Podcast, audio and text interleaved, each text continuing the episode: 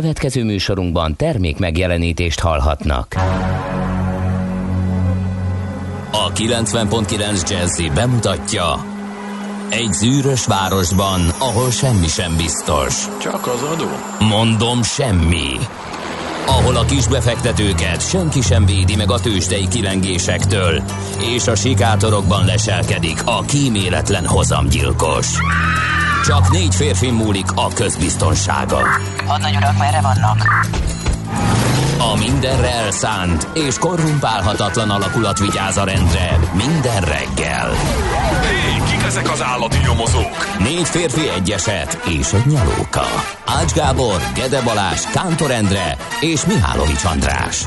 Az íróasztal mögül pedig Profit kapitány diktálja a tempót. Humor, emberi sorsok, közönséges bűnözők és pénz, pénz, pénz. Egy különleges ügyosztály. A Gazdasági Muppet Show minden hétköznap reggel a 90.9 Jazzin.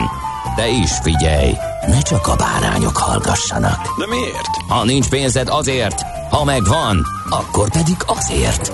Millás reggeli. Szólunk és védünk.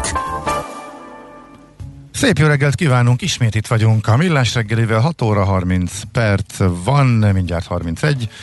Ezúttal Kántor Endrével. És Ács Gáborral. És uh, szerdai morgással meg is van. De nekem nem is kellett, mert hogy Dékartás küldött kapásból a közlekedési információ mellett, a szokásos közlekedési info mellett. Morgós jó reggelt, kartársak, morgásra adokot. Ahogy tegnap megkaptam a második Astra oltásom, kedre voltam behívva, de senki nem jelentkezett, hogy hánykor. Múlt héten csütörtök óta próbáltam elérni az illetékes oltópontot, hétfőn délután sikerült, közölték, hogy kedden ők nem is tudnak adni, mert nincs vakcina. Menjek egy bizonyos kórházba reggel 8.30-ra. Itt 10-kor közölték, hogy ők sem tudnak oltani. Menjek egy másik kórházba. Ahova küldtek, ott sem voltak túl boldogak, de mint kiderült, nem én voltam az első, akit így vándoroltattak. Végül 14.45-kor megkaptam az oltást. Hát ez egy szép történet.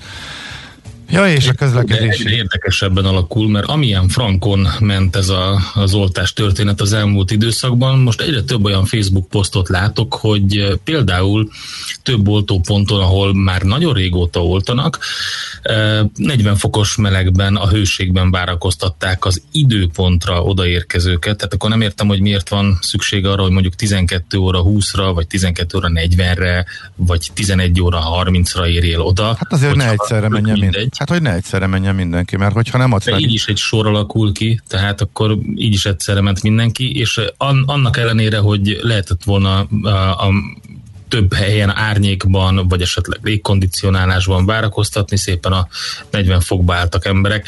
Mindegy, ez egy pár kiragadott alkalom, de hát majd megírják a hallgatók, hogy nekik mi a... Igen, érdekes. Ezzel kapcsolatban a tapasztalatuk lehet, hogy kicsit úgy belazult ez az egész oltási rend is.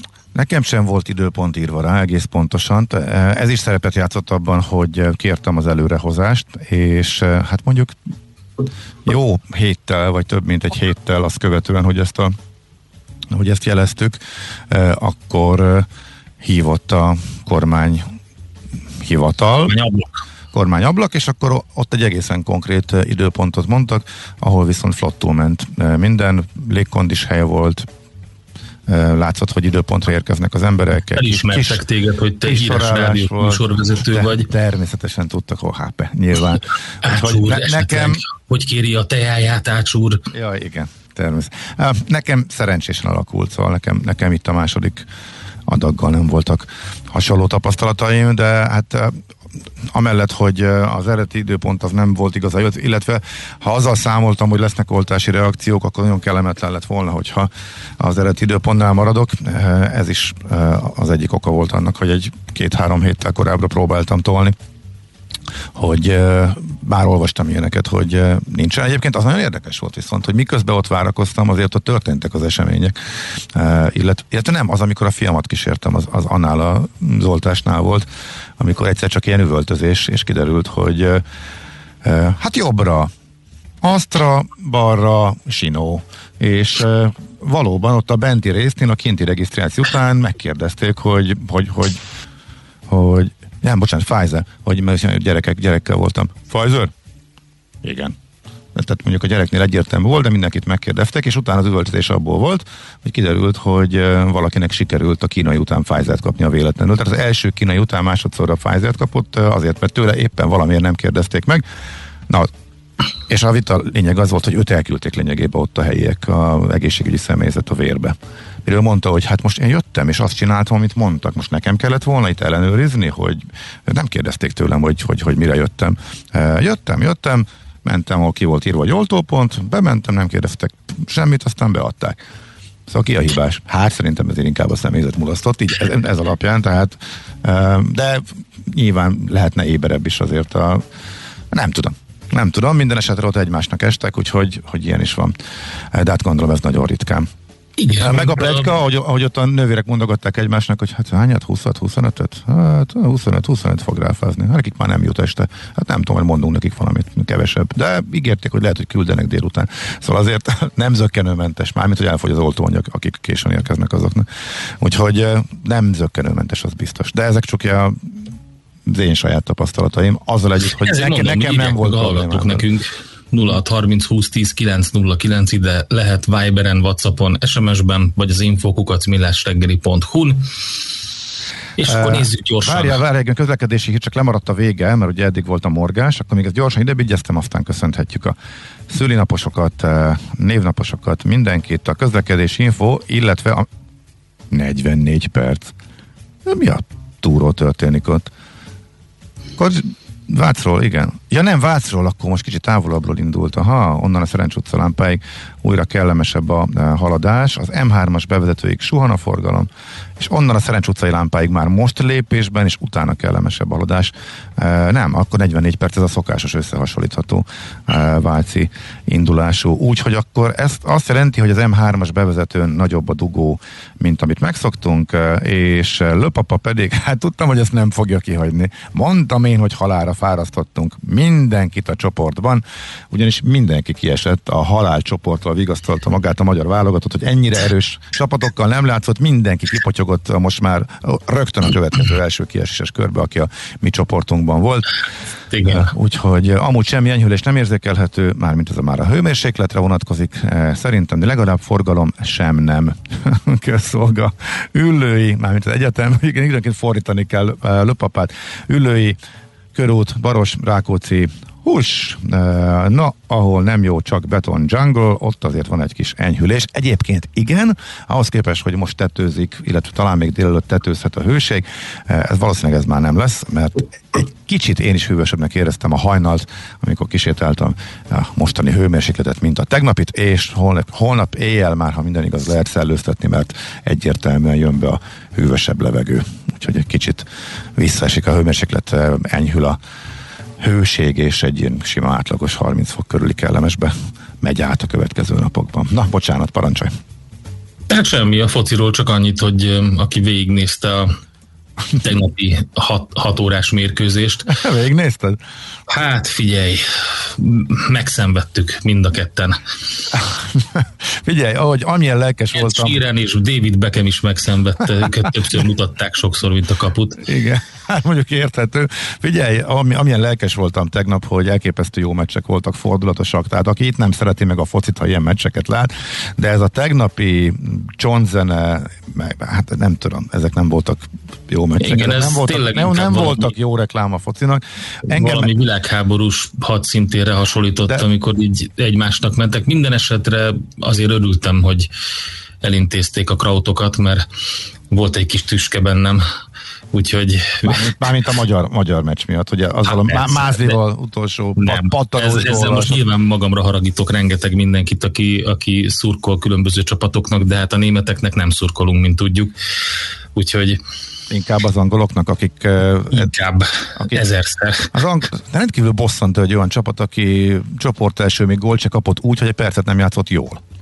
És minden, és hát, minden meccse élvezhetetlen volt. Hát én, többet, én ezt többet nem is a most teljesítményüket de, nézem. Jó, oké. Okay. Hanem úgy általában. Tehát ugye szokás, szokássá vált a németeknek nagyon sokszor, hogy lényegében ők nyernek, akármi történik, és ez kialakított bennem egy ilyen ellenállást Aha. a német csapat ellen. Figyelj. Mondjuk egyet sajnáltam tényleg a tegnapi meccsen, akármennyire is nem ö, nekik szurkoltam, azért a Müllert azt megsajnáltam akkor, amikor kihagyta azt a gólt. Hát azon, az... azon múlott. Szerintem ő tíz olyan helyzetből kilencszer simán berúgja. Ráadásul ott volt, elég, nem is olyan kicsi, másfél méter széles lyuk volt, ahol a kapus bőven nem érte volna el. Tehát még ha bejebb jön egy kicsit magasabban, elég nagy tér volt, és biztos, hogy azt ő 90%-ban kilövi. Igen, és pont most nem. Igen. Nagyon-nagyon ér. Ez, ez, a, ez a részhez persze nagyon érdekes volt ennek a meccsnek, és utána lett ugye 0-2 nyertek az angolok. Én viszont kid, kidrukkoltam az ukránoknak a, a győzelmet.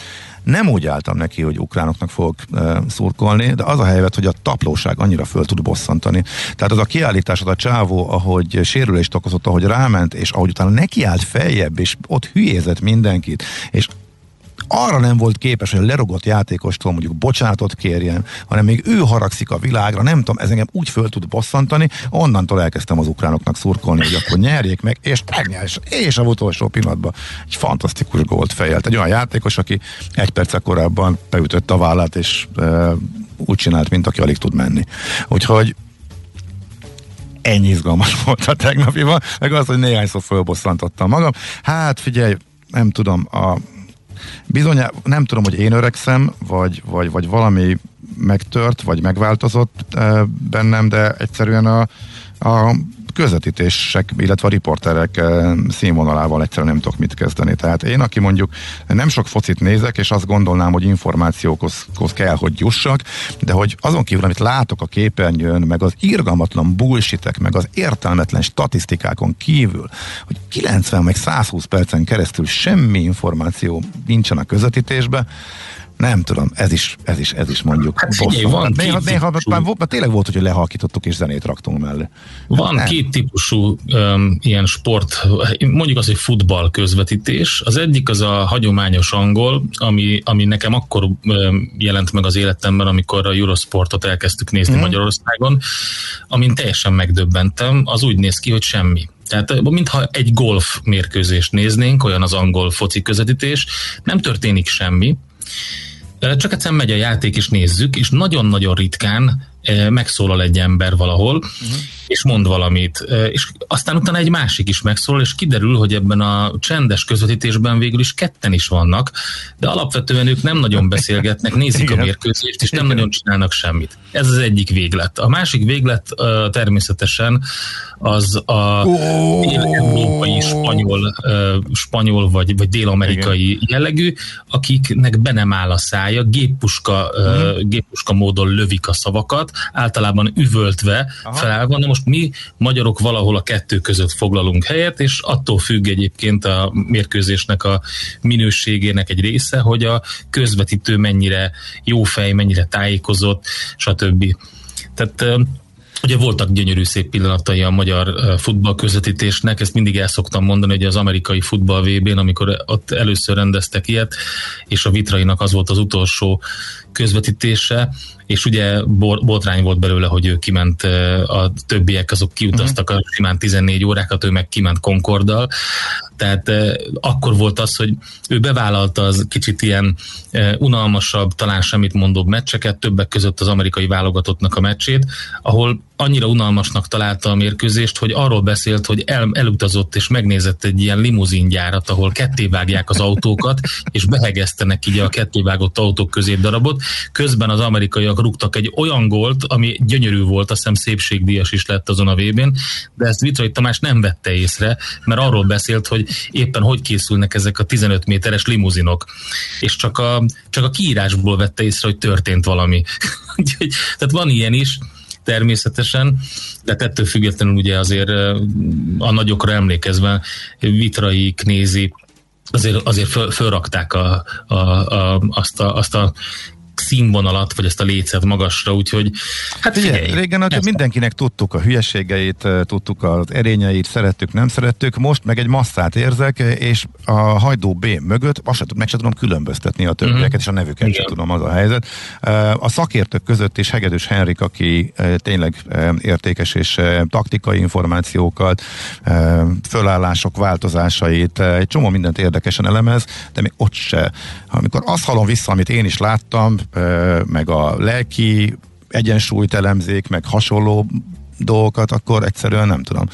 Nagyon irritáló. De mondom, nem tudom, lehet, hogy csak én öregettem meg, vagy lettem morgósabb. Szóval ez Na nézzük gyorsan. Bosszantó. Na figyelj, gyorsan még. Amíg aztán... itt így végigmegyek az eseményeken, Igen? addig létszeres engedd be Schmidt Andit, a hírolvasó Hova? lányt, aki személyesen teszi tiszteletét a stúdióban, nem és elfelejtette a kulcsát. Úgyhogy nincsen kódja, nincsen kulcsa, reméli, reméli hogy bejut. Beengedjük. Be, beengedjük. Jó, oké. Okay. Azt mondja gyorsan, 1894-ben ma avatták, vagy nyitották meg inkább London egyik jelképévé vált Tower hidat. Egyébként Pál Apostol Bese névnap van, nagyon boldog névnapot nekik. És egy érdekes esemény 1908-ban volt a Tunguszkai esemény, amikor hát ugye gyakorlatilag egy ismeretlen származású valami, meteornak gondolják, ugye, az az a közmegegyezés, becsapódott, felrobbant, és lényegében egy heves megye nagyságú területen teljesen letarolta az erdőt, még mindig látszik a nyoma. Aztán hát eh, nagyon fontos, hogy eh, ma van a Magyarország, a Magyar Szabadság napja, mert hogy hivatalosan ezen a napon fejeződött be 91-ben a szovjet csapatok kivonulása Magyarországról. Aztán hát Kínának is egy fontos nap, és Hongkongnak is, mert 97-ben eh, 156 éves brit uralom után Hongkong visszatért Kínához. Hát én annak idején megnéztem élőben a zászló levonást, elcsomagolást, hazavivést, úgyhogy elég érdekes események azóta is, amik zajlanak Hongkongban. 97-ben történt, és azóta is hát forrong Hongkong. Aztán mi volt még gyorsan? Igen, ez fontos. 2002-ben volt az euró, ugye, amikor az Európai Pénzügyi Unió 11 tagállamában az utolsó nap volt, amikor még hivatalosan lehetett fizetni a nemzeti valutákkal ez a nap. Utána már jött az euró. Persze ez nem volt ennyire kemény a szabályozás, tehát volt még egy kis maszatolás ott a nemzeti valutákkal, de valójában itt debütált rendesen az euró 2002-ben. Uh-huh. Mhm. Kik születtek?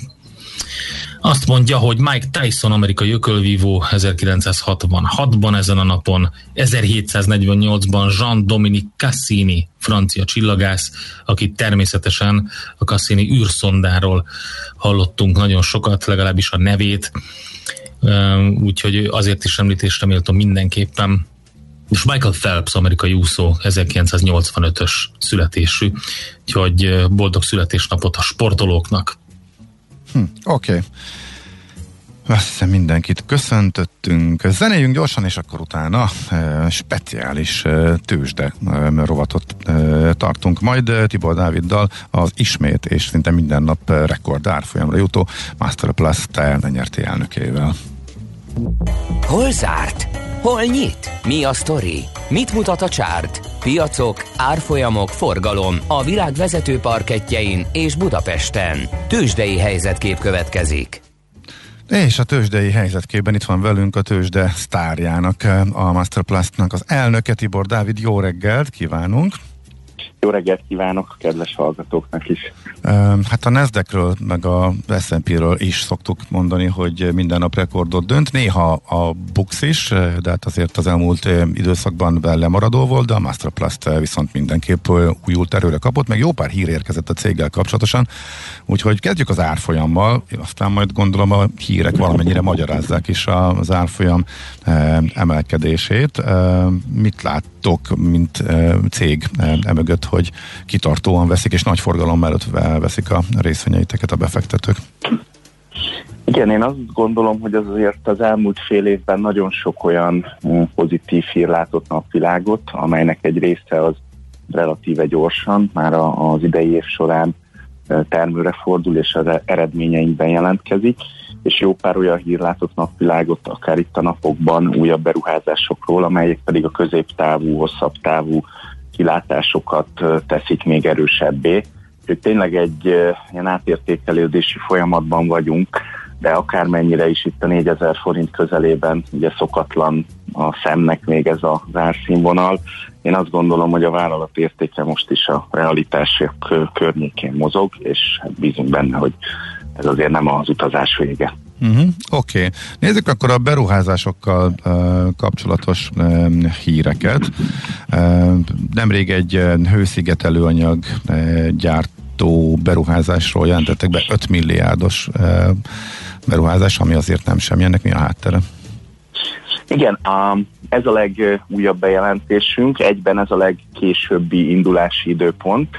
A háttere az az, hogy egyre nagyobb az igény a polisztirol EPS szigetelő családon kívül az XPS szigetelő családra, ami abban különbözteti meg, hogy ez egy vízzáró és magasabb lambdaértékű hőszigetelő anyag.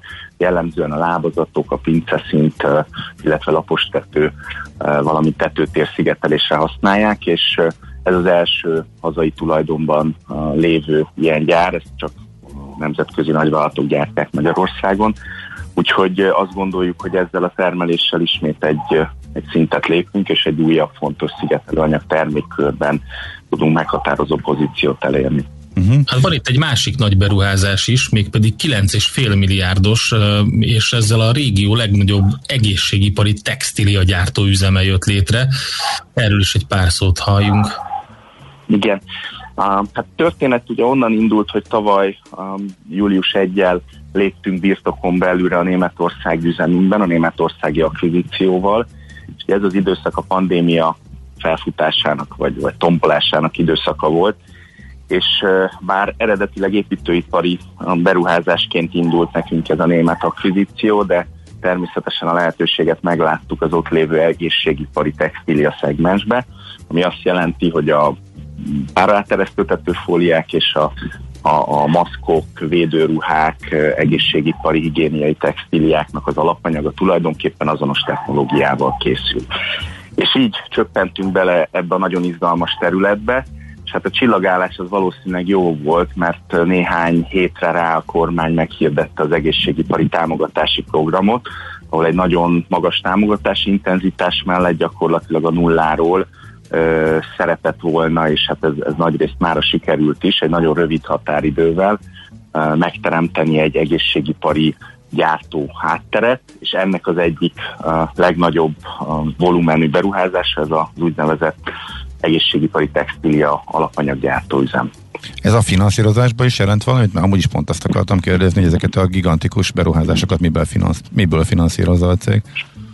Igen, igen, abszolút gyakorlatilag a saját erőt azt a részt veszünk a Nemzeti Kötvényprogramban, most már a második kibocsátáson vagyunk túl, eddig összesen 12 milliárd nagyon kedvező árazású forrás áll rendelkezésünkre, de hát itt, itt ebben a programban az volt a jó, hogy a, az állami visszanemtérítendő támogatási hányad az 80 os ami.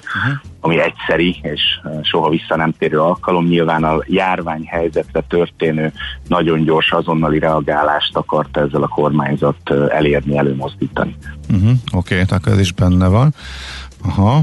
Um, jó, és akkor van még, volt egy közleményetek erről a CAP um, programról, uh, ezek az exportőr vállalkozások, vagy mi is ez kiemelt exportőr vállalkozások uh, partnerségi programja, ez micsoda, mi értelme van, illetve ez, ez, ez mind segít, erről keveset tudunk, amihez csatlakoztatok.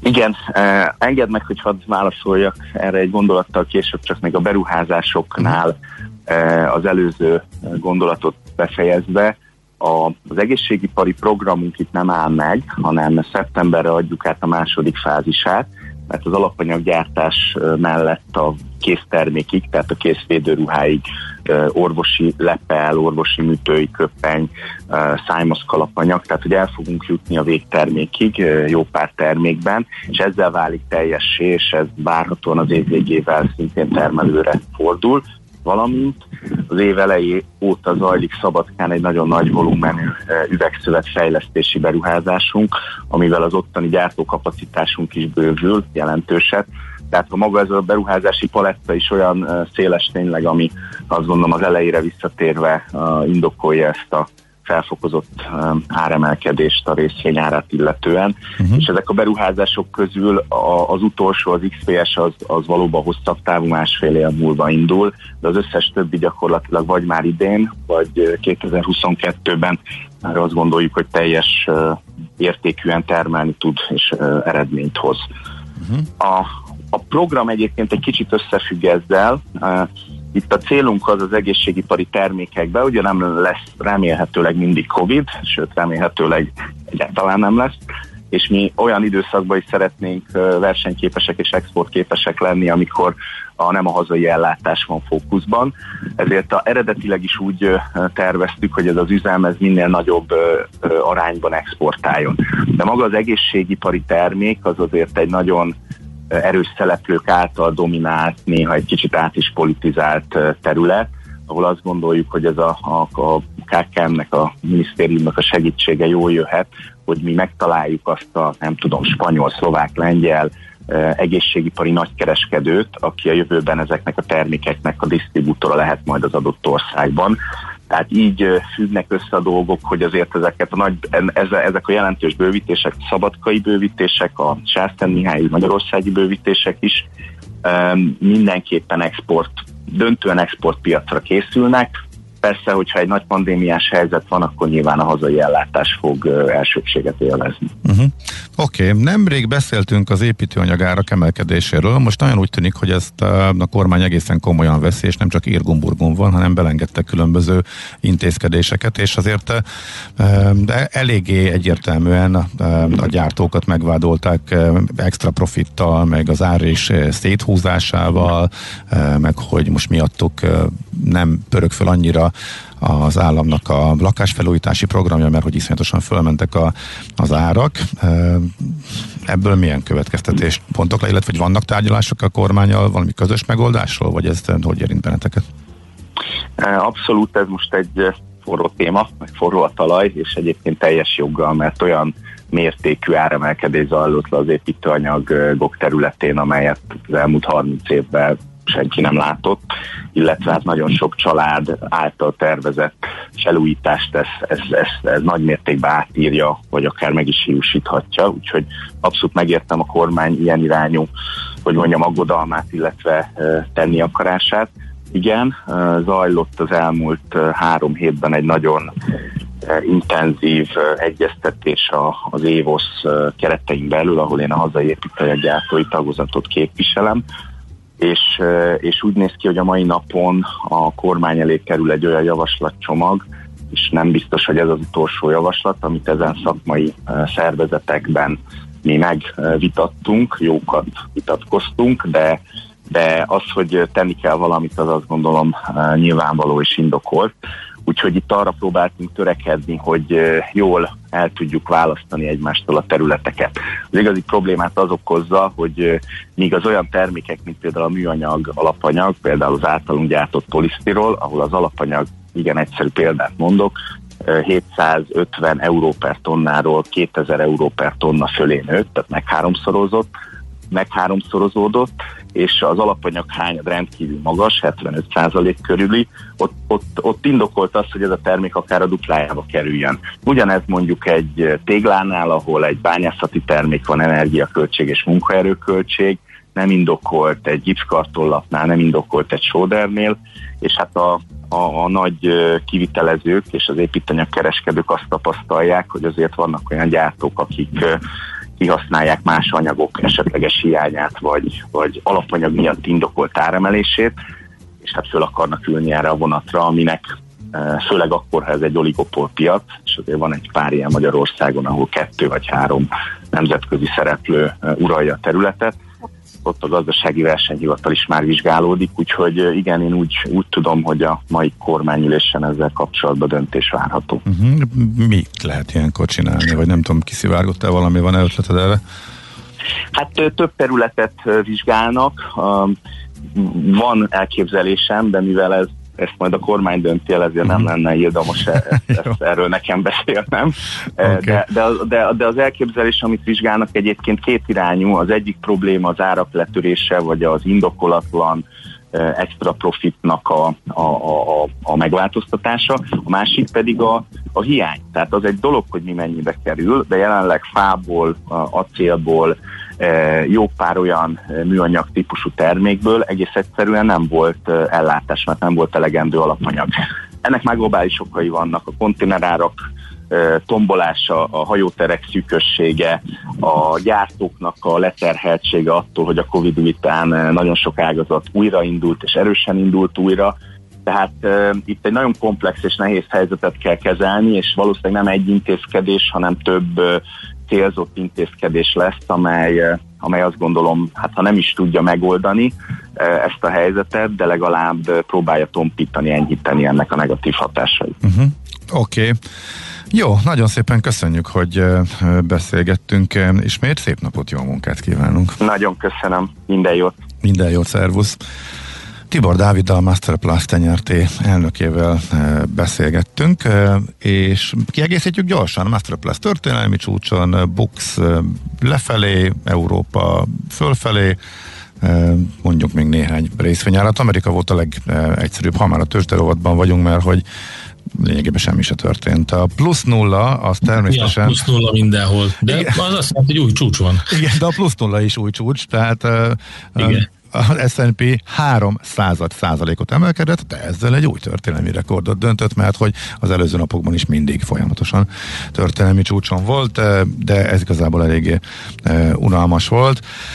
Uh, 4300 fölött is. történt az európai tőzsdéken érdekes módon a DAX 0,8%-ot erősödött, és a FUCI csak 0,2%-ot, hát nem a meccset nézték. a tőzsdék. Na mindegy. Európában tudod, mi, az volt az érdekes, hogy most már második napja ugyanaz történt, hogy uh, megy a para a delta variáns miatt, de az eddigi tapasztalatok alapján ugye az, hogy az elmúlt év miről szólt, az államok nagyon nagy élénkítést belevittek, a gazdaságot jól meg tudták menteni, kivéve egy szektor, aminek kb. reszeltek. Tehát az utazás. Utaztatás. Utazás, mert az autóipar sincs annyira jó bőrben, mert voltak, illetve nem is az autóipar, hanem az autóipari beszállítók vannak kicsit nagyobb problémában. Hogyha megnézed, hogy mi, mi, a tegnapi a európai hajrát, azt alapvetően az amerikai munkaerőpiaci adat húzta valamennyire, de például, hogyha megnézel már, olyan céget, melyik? Mert az pénteken lesz. Igen, nem, tehát az a munkaerőpiaci adat előzetes, amiket mondanak, hogy, hogy ja. most tök, mm. igen, szóval arra figyelnek, a pénteki adatra figyelnek. Aha. De ha megnézel olyan adatot, vagy olyan cégeket, mint a Knorr Bremse, 12%-os mínuszt könyvelt el tegnap. Uh-huh.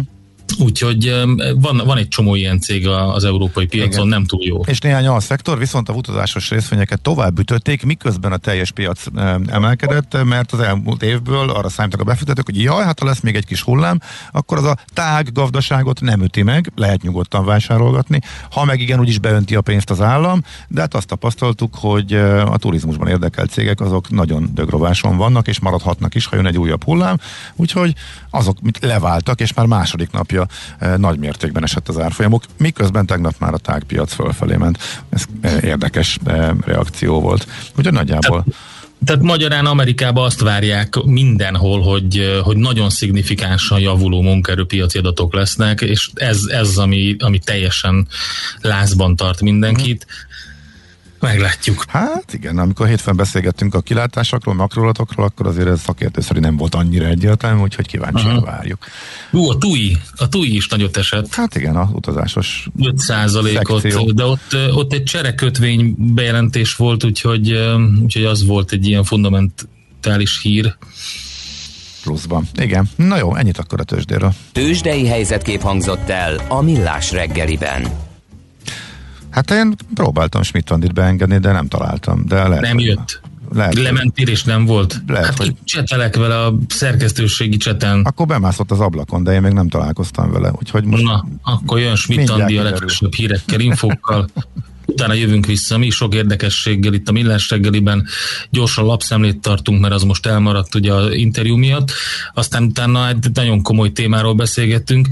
Képzeld el, hogy átlagosan, hát itt egy felkiáltójelet kellett tennem, hogy átlagosan 3 és 5 kiló között híztak a magyarok a karantén alatt. Az azt jelenti, hogy ha mondjuk te és én mondjuk nem szedtünk fel, akkor gondold el, hogy a Mihálovics mennyit szedett fel. Hát ez szerintem átlagban kijön. Igen, nálunk a Maci átvállalta mindenkiét, nem? Úgyhogy, úgyhogy kemény a szitu, de nem is ez, hanem ezzel, hogy ez megtörtént, előkelő negyedik helyet foglalunk el a legelhízottabb nemzetek sorában. Hát ezt egy kicsit megvitatjuk, hogy ez miért van és mit lehet tenni ellene. Uh-huh, Oké, okay. pár perc múlva folytatjuk, maradjatok velünk. A reggeli rohanásban könnyű szemtől szembe kerülni egy túl szépnek tűnő ajánlattal. Az eredmény Krétával körberajzolt tetemes összeg. A tethelyen a gazdasági helyszínelők, a ravasz, az agy és két füles csésze és fejvállalakzat. A lehetetlen küldetés megfejteni a Fibonacci kódot. A jutalom egy bögre rossz kávé és egy olyan hozamgörbe, amilyet még Alonso Mózli sem látott. Millás reggeli, a 90.9 Jazzy Rádió gazdasági mapetsója. Vigyázat! Van rá engedélyünk!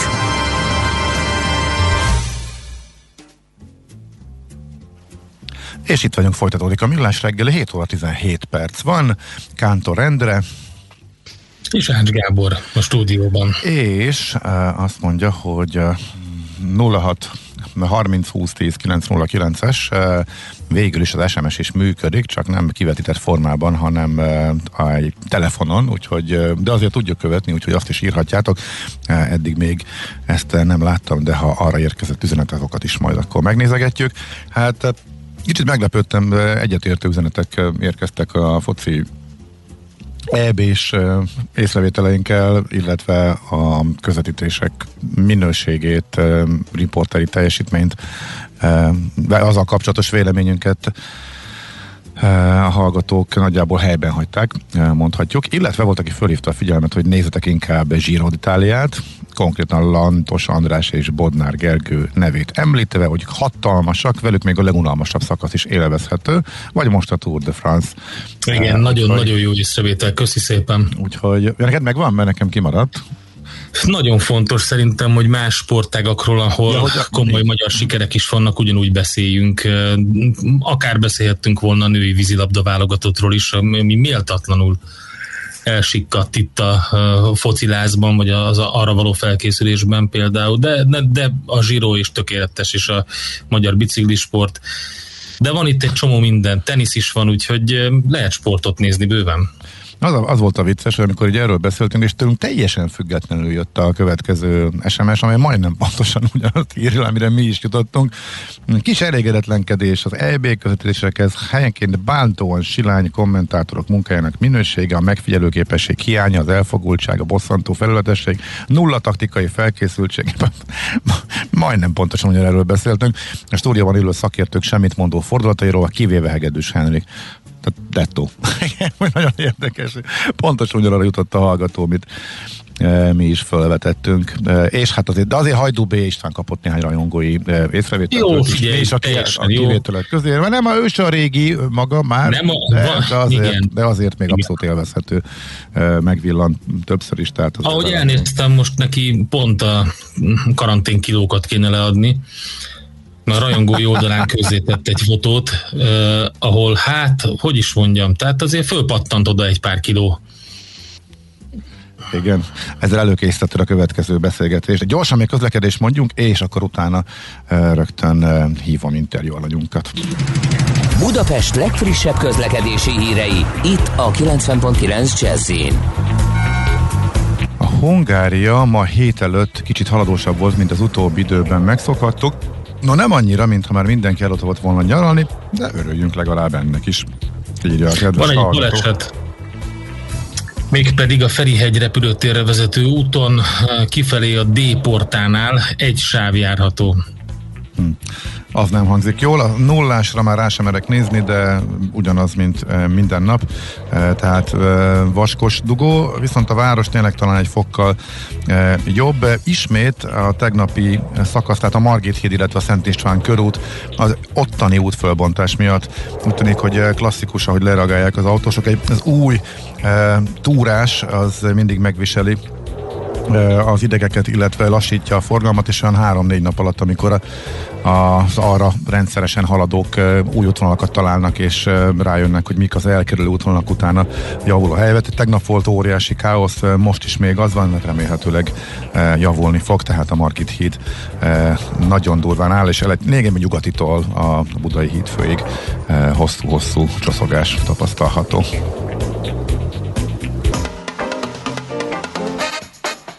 És itt van velünk a vonalban Erdély Jaléz, a Magyar Dietetikus Sok Országos Szövetségének főtitkára. Jó reggelt kívánunk, ez itt sokkalom. Jó reggelt kívánok, és köszöntöm a hallgatókat is. Hát egy hallgató azt írta, hogy én mínusz 14 kilónál tartok a karantén alatt, rontom az átlagot, de hát igen, nagyon úgy tűnik, hogy a friss adatok arról szólnak, hogy elég sokat e, szedtek fel a e, magyarok, e, 3-5 kilót. Ezzel sikerül már a dobogót közelítenünk a legelhízottabb nemzetek e, rangsorában. Miért? Mi történik? Ugye kezdjük ott, hogy ö, rosszak az alapjaink, tehát már a karantén előtt ö, is ö, idézőjelben nagyon jó helyen álltunk itt a túlsúly és az elhízás területén a, a világban. Sajnos ugye ez negatívan érintendő, hiszen a felnőtteknek már a karantén előtt 60, illetve 65 a túlsúlyos, illetve elhízott volt. És ugye ehhez jön az, hogy a gyerekeknek is különböző életkorok szerinti bontásban is, hát ott is elég szép túlsúly, illetve elhízás található. Magyar Dietetikusok Országos Szövetségének volt egy összehasonlító elemzése 0-tól 18 éves korig, és csak hogy kiragadjak, hogy a 7-10 éves gyerekek 24%-a, a 11-18 éves gyerekek 23%-a túlsúlyos, illetve elhízott volt. Tehát erre jött rá a, a karantén időszak. És akkor visszatérve a kérdésre, hogy miért, Hát ennek sajnos nagyon egyszerű magyarázata van. Van az a fránya energia egyensúly, ugye ez a uh-huh. mérleg, hogy a... Többet hogy viszünk be, mint kellene, igen, mint igen, amit elégetünk. Igen, csak ugye, hogy itt a karanténban, ugye, mert úgy is lehet, ugye, hogy ha ez többet viszek be, de mondjuk többet adok le, vagy nem viszek be többet, de többet mozgok, akkor ugye fogyás következik be. De mi történt a karantén alatt? Egyrészt jelentősen beszűkült a fizikai aktivitásunk, és ugye itt mindenki azt gondolja, hogy persze, mert zárva voltak a fitness termek, de gondoljunk bele, hogy maga a fizikai aktivitás, azért ez egy jóval szélesebb terület. Ide tartozik mondjuk a háztartási, házkörüli teendők. Hát ez ugye nagyjából megmaradt. De foglalkozással, munkavégzéssel kapcsolatos aktivitás, tehát amit ott a munkahelyen végzünk, átmegyünk a másik irodába, jobb esetben lépcsőn megyünk fel. Ugye ez nagyjából kiesett, mert home office volt. A munkába járás, az utazás aktivitás, nem is gondoljuk, hogyha valaki, mit tudom én, két megállót megy, vagy rohan valami után, vagy csak a gyerekkel kiszáll, elviszi az óvodába, ez is egyfajta fizikai aktivitás. Kimaradtak a közös programok, a sétázás, a túrázás, stb., és akkor kimaradt a sport többség, többségében is. Tehát ez egy jelentős fizikai aktivitás csökkenés volt, tehát magyarán az energialeadásunk rendkívül lecsökkent, és ehhez jön az, amit ugye még sokan gondolnak, hogy hát bizony a nassolással, mert nem vagyok benne biztos, hogy, hogy mindenki jóval többet evett, de, de az ilyen apróságokkal, akár az idegesség, a feszültség oldására, vagy hogy ugye otthon azért többen főztek, többet kóstoltak, kint maradt ez az asztalon, akkor mindenkire jár, jár, jár. Tehát ezekkel nagyon-nagyon sokat tudunk bevinni. És ezek nem azt mondom, hogy láthatatlanok, de egy a hétköznapi ember számára felfoghatatlanok, hogy ez hogy hízhattam én meg, mondjuk azt mondja, hogy én nem ettem többet. És akkor szeretnék csak egy példát mondani, hogy nem ettem többet, és biztos a levegőtől híztam, hát ez sajnos nem így van, mert hogy egyébként pedig a, a, amit felszedünk kiló, akkor beszélünk túlsúlyra vagy elhízásról, ha az zsiradék. egy kilogramm súlyfelesleghez 7700 plusz kilokalóriát kell bevinni. Ez borzasztónak soknak hát tűnik, de ha, na de, de ha lebontom... Óriási, óriási szám. Hát majd ugye megmondom, hogy ez miért nem olyan óriási, hogy ez, hogyha csak napi 270 kilokalóriával többet viszünk be, az havi 1 kilogramm. Ugye most, uh-huh. ha mhm. megnézzük, hogy meddig tartott a ö, szűkebb, meg egy kicsit tágabb karantén, tehát akkor 6-7 kiló simán felszalad. Mert hogy uh-huh. ez a 270 kilokalória mondjuk egy vastag szelet kalács egy teáskanál lekmárral, vagy egy adag puding, két darab háztartási kekszel, vagy egy kis popcorn két deci üdítővel, vagy Aha. két és fél szelet nápoly. Na most ez hát nagy adag? tényleg nem nagy. Akkor csak egy kicsit Ugye? megtévesztő volt az előző nagy szám, de ez, ez, amit most mondott, ez tényleg egy ilyen egy kis apró nassolás, nem lesz ebből semmi baj. Igen, és akkor ez már havi egy kiló, és akkor még a mozgás itt, itt ebben az esetben megvan, de hogy az előbb beszéltük, hogy a mozgás jelentősen leszűkült, tehát igazából abszolút várható volt, hogy ezek ilyen adatokat mutatnak, csak hát természetesen ugye ilyen, ebben az esetben nem erre koncentráltunk, és amit a hallgató írt, hát sajnos az, az volt a kevesebb, akik akár a feszültségoldást, akár a másikat megpróbálták úgy, hogy amikor lehetett mozogni, akkor az egy intenzív gyorséta, vagy, vagy valamilyen otthoni videó letöltött, YouTube-ról letöltött anyagból tudtak mozogni, és ezt rendszeresen megcsinálták, és, és nem hagyták el magukat. Uh-huh. Hát okay. akkor végül is nagyon egyszerű a matek, mert hogy nem az a probléma, hogy mondjuk uh, nyilván az is gond, hogy alapvetően a, a táplálkozási szokásai nem annyira jók a, a magyaroknak, mert ugye, mint ahogy említettük korábban is, viszonylag elhízott nemzetnek számítottunk, most azonban ezek a kis nasik és a kis plusz kilók és a mozgás hiány tette föl ugye a pontot az íre. Mit, mit látnak, Alice, hogy mit lehetne tenni? Megváltoztatni az étkezési szokásokat, és, és többet mozogni? Oké, okay, ez egyszerűen hangzik, de, de talán nem is olyan egyszerű. Nem olyan egyszerű, mert igazából ugye akkor, amikor hozzám a páciensek jönnek, többségüknek ugye már valami ö, betegség kialakult, ami miatt ö, életmódot és ezen belül étrendet kell ö, választani, ö, változtatni. De nekem az a tapasztalatom, hogy igazából amikor úgy elkezdjük nem annyira borzasztó, mint amennyire sokan megélik, mert hogy ez volt talán az életüknek az egyetlen olyan része, amire azt mondtuk, hogy erre nem kell figyelni, nem kell szabályokhoz alkalmazkodni, nem kellenek a kötöttségek.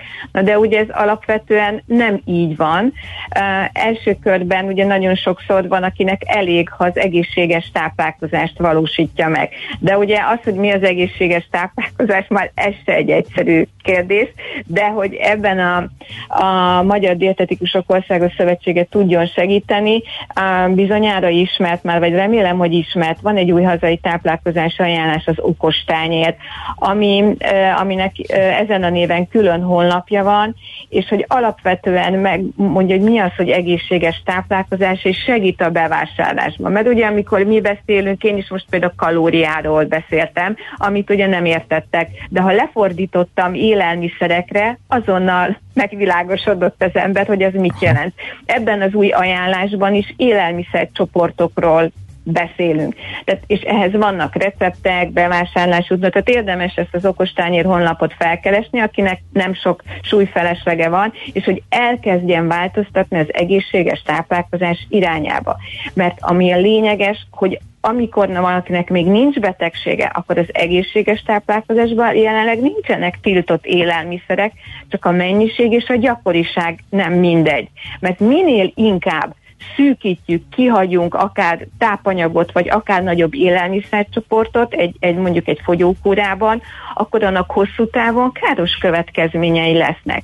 Tehát egy jól összeállított, és akkor itt már nem fogyókúráról, hanem testtömeg csökkentő étrendről beszélünk, az megpróbálja azt, hogy éjségérzet ne legyen, de nagy mennyiség legyen a tányéron, teltségérzetünk legyen, de az ne legyen brutások energiabevitel. Ebben tud segíteni a dietetikus, de a másik, hogy ehhez magunkat is oda kell tenni. Tehát, hogy, hogy meg kell ismerni az élelmiszereket, el kell kezdeni főzni. Most ugye karantén időszak alatt ez működött, tehát abból egy kicsit vissza kellene hozni, csak a dietetikus megtanítja azt, hogy mondjuk nem tudom, most nyár van, legyen valami finom zöldséges rakott tétel, egy nem tudom, egy rakott karfiol, vagy egy rakott zöldbab, ugyanúgy néz ki, ugyanolyan finom, és az egyik mondjuk 500 kalória, a másik meg 800 kalória mert másképp van elkészítve, és egy picit más az alapanyag. Uh-huh. Tehát óriási különbségek vannak, és ez, ezzel finomak, ízletesek, élvezetesek lehetnek, és nem, nem kivonulunk a társadalomból, amikor testtömeget csökkentünk, hanem megtanuljuk azt a dietetikus segítségével, hogy mikor, milyen szituációban, hogyan lehet választani. Uh-huh. Oké, okay. ez értem, és ez teljesen világos. Egy pillanatra még hagyd vissza az elejére a kérdéssornak, mert a nyilvánvaló, hogy mitől híztunk, és tök jók ezek a megoldási javaslatok, de itt a nemzetközi összevetésben kerültünk előrébb. Na most máshol pont ugyanolyan karantén volt, sőt, Európa nagy részén szigorúbb karantén szabályok voltak, mint e, Magyarországon, hogyha a teljes időszakot vetítem, de nálunk sose volt korlátozva e, például a, a séta, vagy az, hogy elmenjünk futni, vagy mozogni, vagy túrázni a, a hegyekbe. És mégis mégis, na, mégis nemzetközi összevetésben magyar, mi magyarok híztunk elég nagy mértékben. Erre tud valami magyarávat, hogy ennek mi lehet az oka, hogy erre most mi máshogy reagáltunk, vagy rosszabbul reagáltunk, mint más országokban?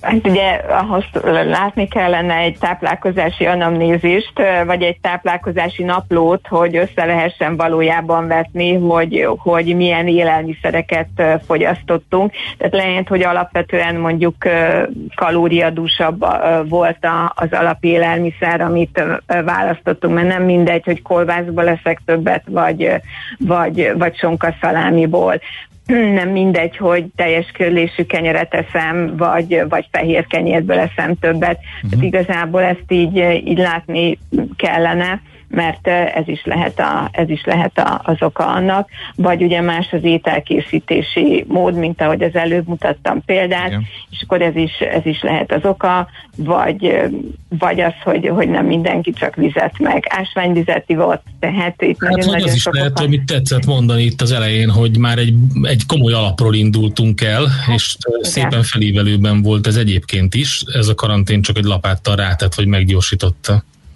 Igen, meg ugye azért valljuk be nagyon sok családnál elég nagy feszültséget okozott, hogy, hogy két-három gyerek home office-ban, vagy homeschoolban a, a szülő is, és még örült, hogy megvan a munkája, de közben e, tanár is volt, meg háziasszony is, meg munkatárs is, és a feszültséget e, sokan ilyen, ilyen nassolással e, vezették le például. A jutalom, jutalom nassolással, egy kis megnyugtatás? Hát egy kis feszültség, hát egy kis feszültségoldásra, igen, igen. Mert, mert ez gyorsabb volt, mint mondjuk kimenni, akár kocogni, vagy gyorsétálni, de aki ezt a másikat tudta választani, az biztos, hogy úgy járt, mint a hallgató, hogy igazából szépen el tudta kezdeni a testtömegcsökkentését, de egyébként erre is van példa, hogy, hogy aki így otthon dolgozott, több ideje volt, és egy kicsit egészségesebben, rendszeresebben kezdett el táplálkozni, nem nassolt, és otthon elkezdett mozogni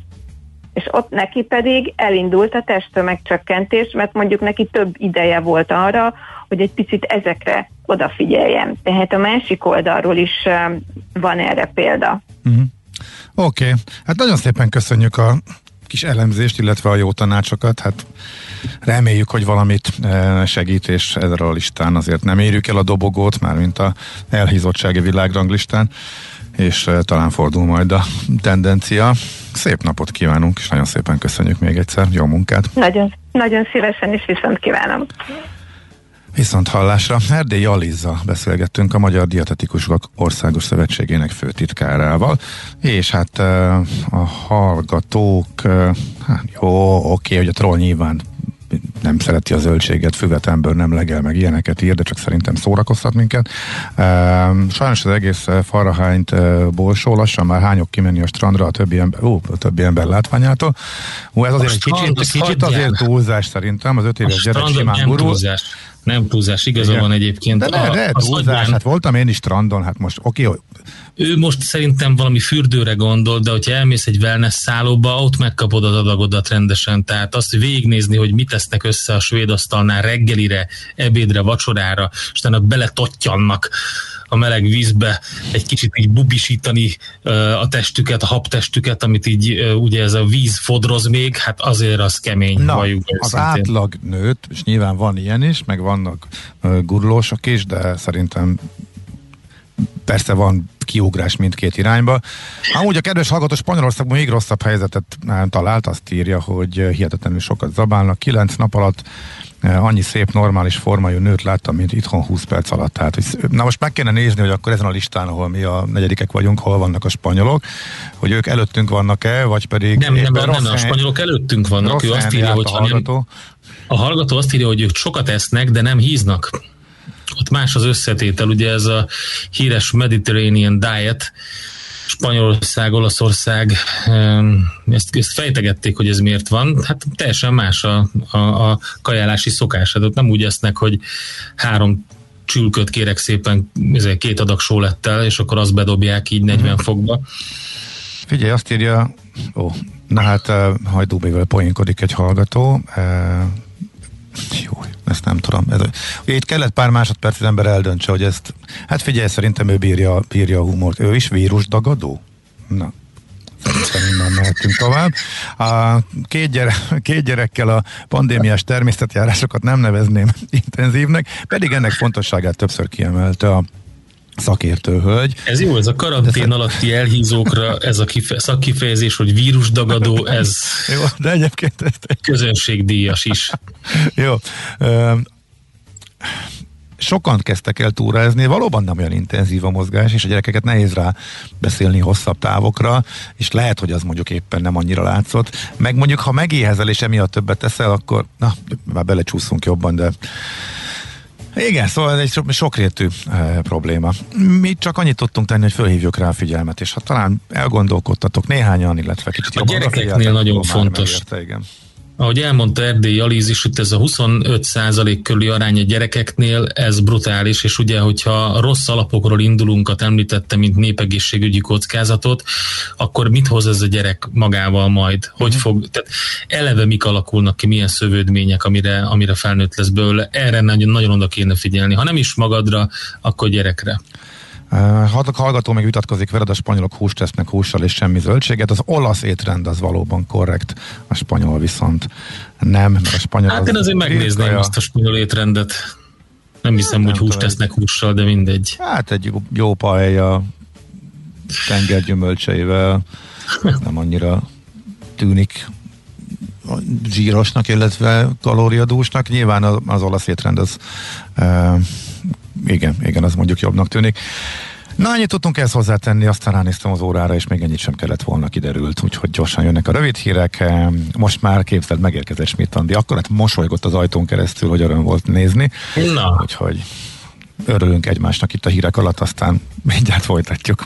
Műsorunkban termék megjelenítést. Közepes, de semmi esetre sem nagy. Nem a méret a lényeg, hanem a vállalkozó szellem. A Millás reggeli KKV hírei következnek. Nos, hát a KKV-k is már ezt egyre jobban szembesülnek a digitális átalakulással, illetve, hogy azért a járvány sok mindent megváltoztatott. Erről beszélt az iSolutions Kft. ügyvezetője, Juhász Viktor.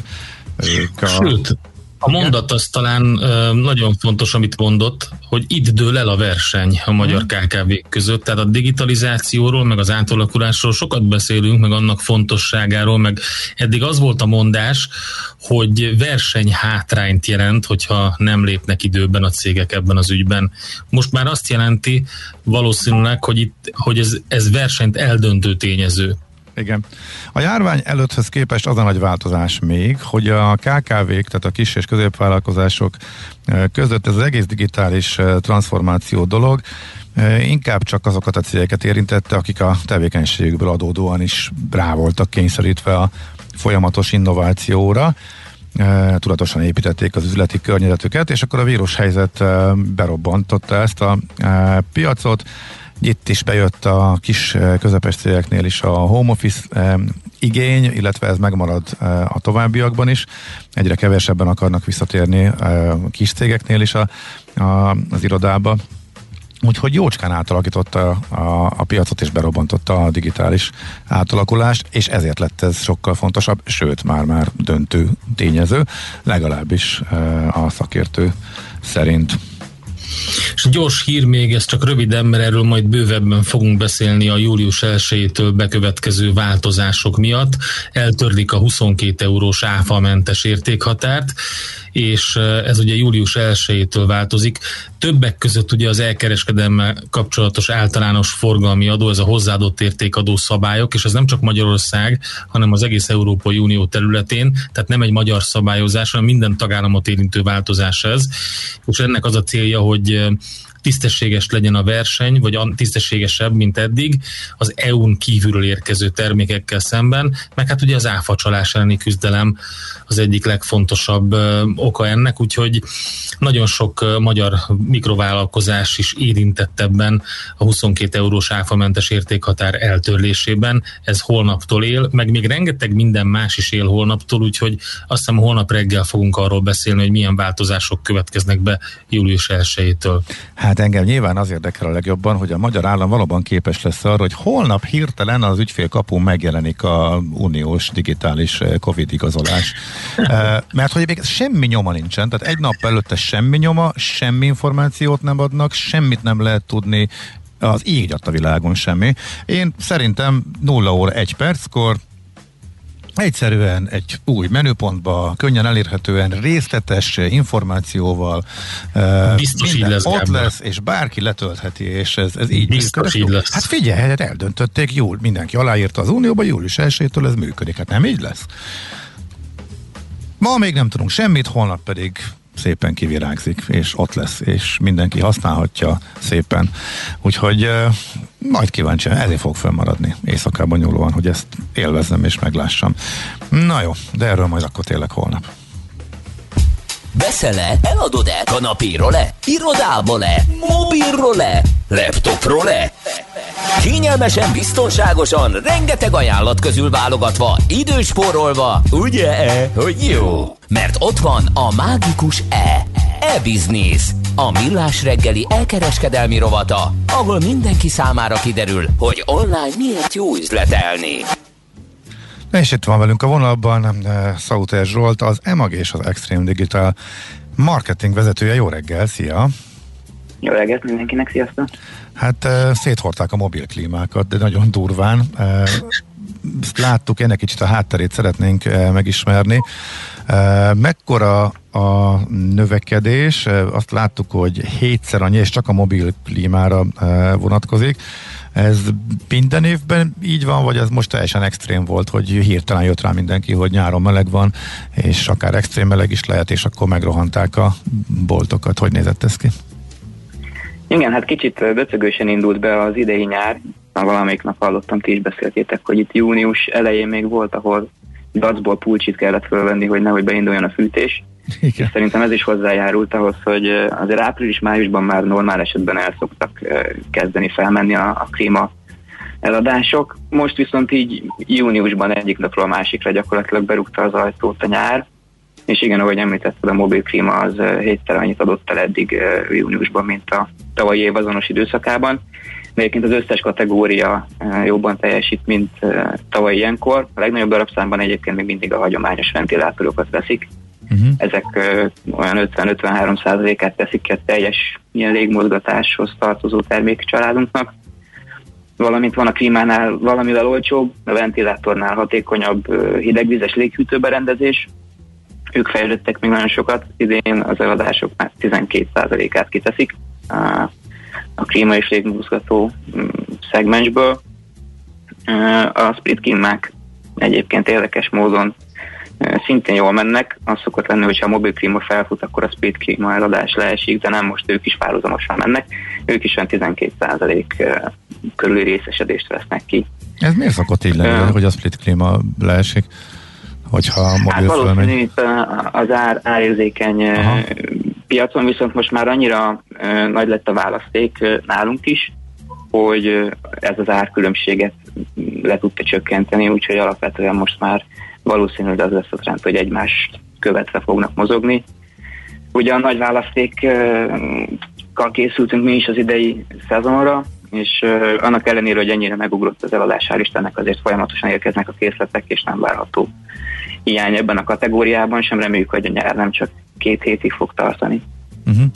Mennyit, fogy, mennyit költ egy átlagvásárló ilyen termékekre, tehát ilyen klímára, léghűtéses termékekre? Ezek úgy nagyjából átlagban milyen ár sávban mozognak ezek a kategóriák? Hát, hogyha, hogyha teljes kategóriát nézem, minden, ami légmozgatás és léghűtés, akkor az átlag költés az bruttó 3000 forint most, amit a, az emagon költenek. Nyilván ember benne mennyi, van. A, mennyi, bocsánat, épp, épp, mennyi? Pontosan, pont rosszul hallottuk a számot bruttó 53 ezer uh-huh. forint. A, ez a teljes átlag a teljes kategóriára, amit az Amagon uh, szoktak költeni. Nyilván ebben benne van a ventilátor is, meg a, a split klíma is, tehát ez így a kategória átlagnak mondható. Aha, és a ventilátorok azok gondolom ilyen 5-10 forint, a split klíma meg nem tudom, 100-150 magassága? Hát 100-tól, igen. 100-tól indulnak a, a split klímák. Említetted, van egy új kategória, ez nekem is, én is, én is ezt a hármat ismertem, és akkor a mobil klíma egy gyors és hatékony opció lehet, de ez a párologtató hidegvizes léghűtőgép, ez, ez mit tud meg, ez mitől, mit, mitől fej, mit mosolyogsz, Bandi? Hát, hát az, amikor azt mondta, hogy új kategória, azon mosolygok, Jó, de van, Hát most én technikai analfabéta vagyok, a mobil klíma még megvolt, de hogyha van nyilván jó árérték arányúan valami más hűtőgép, akkor erről szeretnék többet tudni, igen. Hát ez gyakorlatilag azt tudja, hogy ilyen beltéren használható léghűtőberendezés, ami a beléjük töltött hideg vizet párologtatja el, mielőtt kifújná a levegőt, és ezért a rajtuk keresztül államló levegő a hagyományos ventilátornál hatékonyabban javítja a hőérzetet. Aha, tehát akkor De nyilván a pára szintet is megemeli. Aha, oké, de csak árban a mobil klíma és a ventilátor között helyezkedik el ezek szerint. Így van, így van. Uh-huh. Érdekes volt az adatsorotokban az, hogy nem csak ezek a hűtőberendezések, meg légmozgató berendezések fogytak jól, hanem a medencék is. Hát ezt tapasztaltam én máshol is, de látom, hogy itt ez nagyon megugrott ez a kategória. Igen, 61%-kal több medencét vásároltak tavaly júniushoz képest az ügyfelek. Szintén elég hirtelen indult be, itt is gyakorlatilag ugyanaz. Ezek a szezonális termékek általában jól tervezhetőek, így április-májustól szokott felfutni az eladás, és most minden, ami, ami szezonreleváns, az júniussal elindult, úgyhogy ö, azt is nagyon szeretik, valamint ezen kívül még a barkás termékek is ö, felfutottak, az, és bútorok, tehát minden, ami így a szabad ég alatt tölthető időhöz kapcsolódik, hogyha a klíma már bent unalmas és kiszabadulunk, akkor minden, ami a kertben kell, az ugye megtalálható az Amagon is, és viszik is a mhm. vásárlók. Uh-huh. És akkor a... Darabszám, darabszám alapján hogy néz ki a lista? Barkács termékek. Megmondom őszintén, hogyha egy kvíz lett volna nálatok, hogy uh, mi a legjobban fogyó termék a, a, az Elmag Extreme Digitalnál, akkor biztos, hogy nem arra tippeltem volna, hogy barkács termékek, tehát itt elhasaltam ebbe a kvízbe. Hát több mint 20 ezer termék fogyott júniusban barkás termék kategóriában. És akkor hogy néz ki a sorrend? Mik, mik vannak még? Barkás termékek? Hát, hogyha csak a júniust nézem, akkor a barkás termék az első, háztartási kisgépek nyilván telefonkiegészítőket is szeretik, uh, PC perifériák is elkezdtek felfutni egy enyhe visszaesés után, ugye a billentyűzetek, egerek, valamint a, a PC és alkatrészek is. Szépségápolás, tévékiegészítők, top 10-ben még benne vannak a játékok, háztartási nagygépek, meg nyilván a szezonális termékek, ami, ami minden, ami így az évnek csak egy bizonyos időszakában megy, és igazából a klíma és a fűtés még ezzel a nagy növekedéssel is csak a 11. top kategóriában, hogyha azt nézem, uh-huh. hogy darabszámban, darabszámra vetítve. Uh-huh, Oké, okay. ez akkor nyilván le fog futni, ez az első nagy lelkesedés, ha már július közepén van nagy meleg, akkor már az emberek inkább kihúzzák nyár végéig, hogyha egy átlagos teljes évet nézünk, akkor hogy néznek ki a kategóriáknak a listája, illetve ha van ebben valami érdekes változás az elmúlt években, az mi volt? Hát alapvetően most a pandémia kicsit átrendezte, ugye nyilván az otthoni háztartási eszközök, laptopok a home office-hoz, otthoni oktatáshoz azok nagyon megugrottak. mobiltelefonok is, PC alkatrészek is, valamint a bútor és háztartási kiegészítők, amik, amik tavaly átrendeződtek, és azt látjuk, hogy idén sem esett vissza az érdeklődés. Tehát amit mindenki várt, hogy majd ha a pandémia enyhül, akkor, akkor visszaesés lesz, az nem következett be, mi nem tapasztaljuk, de egyébként ez az egész e, e, Mhm. és az egész forgalomra igaz.